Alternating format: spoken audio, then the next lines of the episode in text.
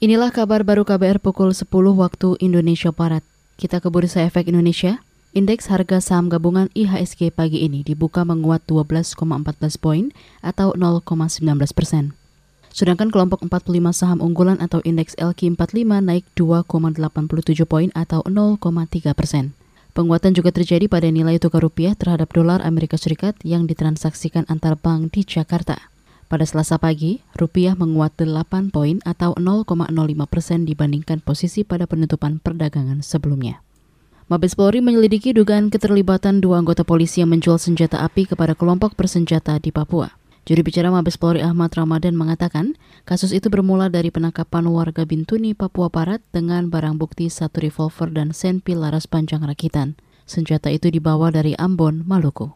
Hasil penyelidikan diamankan enam orang yang diduga terlibat dengan asal-usul dari mana senjata tersebut dan diamankan empat dari warga sipil dan dua anggota Polres Ambon yang diduga terlibat dalam kepemilikan atau asal-usul senjata api tersebut.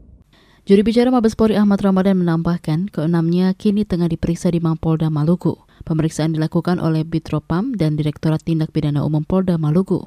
Tim Propam masih menyelidiki keterlibatan dan peran dari kedua anggota polisi tersebut. Pemerintah Provinsi DKI Jakarta memperpanjang masa pembatasan sosial berskala besar PSBB hingga 8 Maret. Dalam perpanjangan kali ini, Gubernur Jakarta Anies Baswedan mengingatkan untuk mewaspadai potensi penularan saat banyak gelombang pengungsi akibat banjir melanda. Kata Anies, Pemprov DKI menyiapkan berbagai posko pengungsian dengan protokol kesehatan yang ketat. Dalam keterangan tertulisnya dia mengatakan posko juga dilengkapi fasilitas untuk testing bagi pengungsi yang bergejala, juga tenda isolasi bagi yang positif. Anies mengklaim terjadi tren penurunan kasus aktif selama dua pekan terakhir. Hingga kemarin penambahan kasus di Jakarta sebanyak lebih 2.400 dengan total akumulasi mencapai lebih 300.000. Demikian kabar baru KBR.